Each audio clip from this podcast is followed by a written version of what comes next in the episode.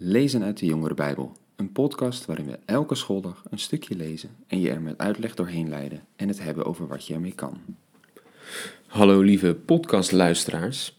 Ja, dat is alweer even geleden. Ik zag dat alle vorige podcasts nog uit het vorige jaar kwamen, 2022. Nou, ik heb toen best een hoop afleveringen gemaakt en ik ging volgens mij sneller dan de meeste van jullie ze konden terugluisteren.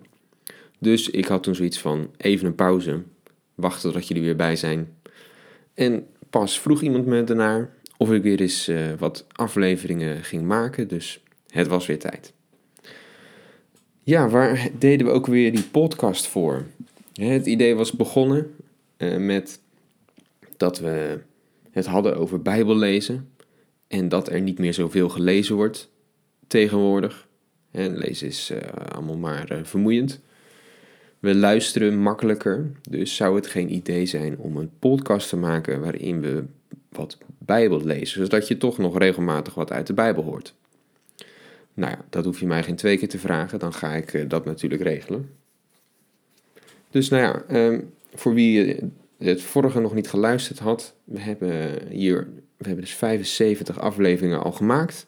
Luister vooral ook weer verder als je daar nog niet helemaal mee klaar was. En ik uh, ga komende tijd weer een paar maken. Deze week wilde ik verder gaan op uh, een onderwerp waar we al een paar keer langs zijn gekomen eerder.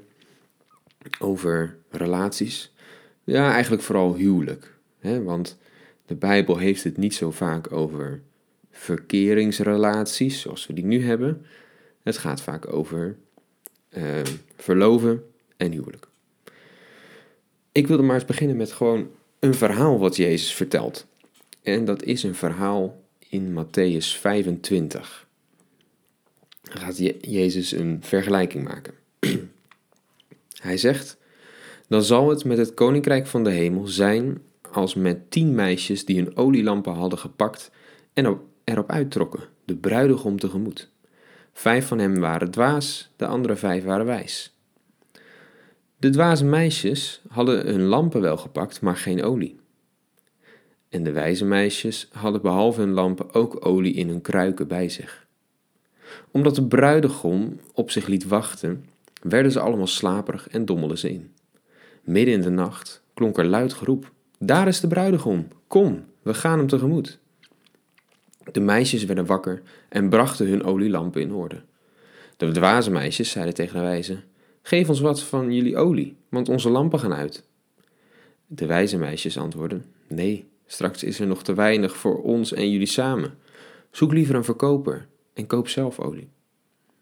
Terwijl zij eh, op olie uit waren, arriveerde de bruidegom. En zij die klaar stonden, gingen met hem naar binnen voor het bruiloftsfeest, waarna de deuren werd gesloten. Enige tijd later kwamen ook de andere meisjes. Ze riepen: Heer, Heer, Doe open voor ons. Maar hij antwoordde: Ik verzeker jullie, ik ken jullie niet. Wees dus waakzaam, zei Jezus, want jullie weten niet op welke dag en op welk tijdstip hij komt. Een verhaal van Jezus over het koninkrijk van de hemel, over dat eh, hij nog een keer terug zou komen en dat er een koninkrijk in het land van Israël zou zijn. En hij vertelt heel veel verhalen waarin hij iets over die toekomende tijd, waar ze allemaal op zaten te wachten, uh, hoe dat eruit zou zien. En hij zegt dus hier, uh, zegt ja, hoe leef je tot die tijd?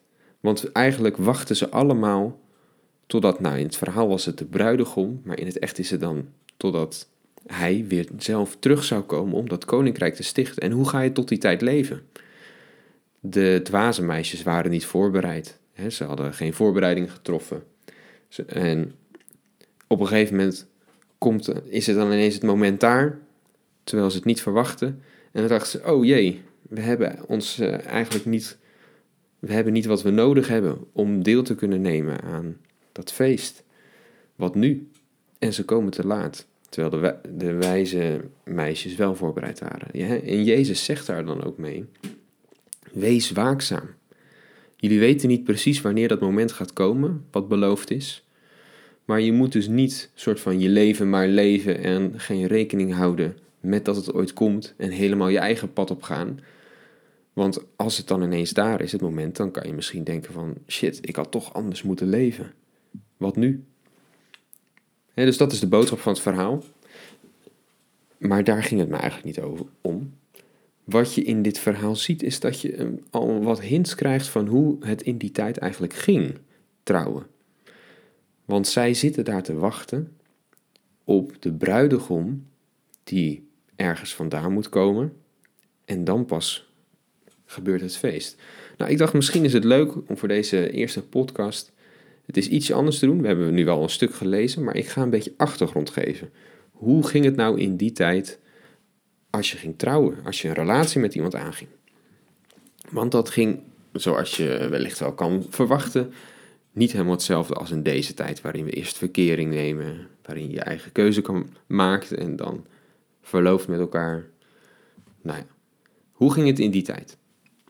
Het eerste was natuurlijk dat er een partner gekozen moest worden. En je kon op zich je voorkeur aangeven. Er zijn een aantal verhalen in uh, de Bijbel waarin dat ook wel gebeurt. Dat ze aan hun ouders vragen of ze met iemand kunnen trouwen.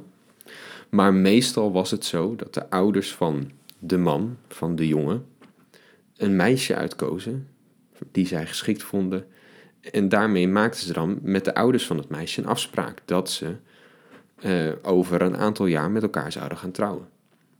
Nou, en die afspraak, hè, dat ze werden toegezegd om met elkaar te trouwen, dat kon al op 12 of 13-jarige leeftijd gebeuren. Hè, dan stond dus eigenlijk al vast met wie je ging trouwen. Nou, hoe oud ze waren als ze dan uiteindelijk trouwen, dat weten we niet precies. Latere bronnen zegt dat ze dat meestal toch wel rond 18 jaar was. je hoort ook wel eens mensen zeggen dat ze in die tijd veel vroeger trouwden. Daar weten we niet zo goed. Maar dat is dus de eerste stap. Ouders die een afspraak met elkaar maken en er wordt toegezegd dat ze met elkaar gaan trouwen. Nou, op een gegeven moment, dan gingen ze zich met elkaar verloven. En dat was een heel officieel moment. Dat was een moment waarbij er getuigen waren, waarbij er een contract werd opgesteld, getekend werd en daar zaten ook allerlei voorwaarden en rechten aan vast. Dat betekende dus best al veel in die tijd verloven. dat is niet zo als nu een mooi moment waarop je het gewoon even aan elkaar vraagt. Nee, dat betekende in die tijd eigenlijk al veel meer. En in heel veel opzichten leek het eigenlijk al gewoon op een huwelijk. Want je noemde elkaar man en vrouw. En je kon niet zomaar uit elkaar een verloving afbreken. Nee, dan moest je echt met elkaar scheiden. Ehm, en nou ja, dat is ook bijvoorbeeld wat er gebeurde met Jozef en Maria want wat gebeurde er? Maria was ineens zwanger, terwijl ze nog niet met een man geweest was, zoals ze dat zo mooi zegt. Dat betekent dus dat Maria nog niet getrouwd was met Jozef. Ze waren verloofd. En wat lees je dan? Als Jozef hoort dat Maria zwanger is, dan wil hij eh, haar stil wegsturen met een scheidbrief. Dat dus voordat ze getrouwd waren. Nou, wat was het verder? Als je met elkaar verloofd was, je woonde nog niet bij elkaar in huis, je zag elkaar meestal ook niet één op één. Dat uh, hoorde niet in die tijd. Hè? Maar uh, dat was allemaal pas als je uiteindelijk trouwde. En toch, als je toekomstige partner zou sterven, noemde je jezelf ook al weduwe of weduwenaar. Nou, dus heel veel, in heel veel dingen leek verloven in die tijd al eigenlijk op trouwen. Behalve dan dus dat je nog niet bij elkaar woonde en verder nog niet echt een relatie had of seksuele relatie had. En ongeveer een jaar nadat ze verloofd waren, kwam de bruiloft zelf. En hoe ging dat? Nou, net als in onze tijd, in mooie kleding. Dan zie je dat eerst de bruidegom, eh, de man, met zijn familie en zijn vrienden naar het huis van de bruid gaat. En dan halen ze de bruid op die had tot die tijd bij haar familie, bij haar vader gewoond. En nu was dan het moment dat uh, de bruidegom haar op kwam halen en mee terug zou nemen naar zijn eigen huis. En ze dus samen gingen wonen.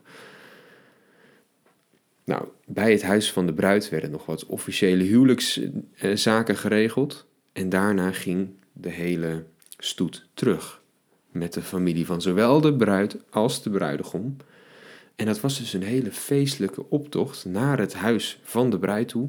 En daar zou dan uh, een banket zijn, er zou eten zijn, er zou een feest zijn en daar zou dan de huwelijksnacht zijn.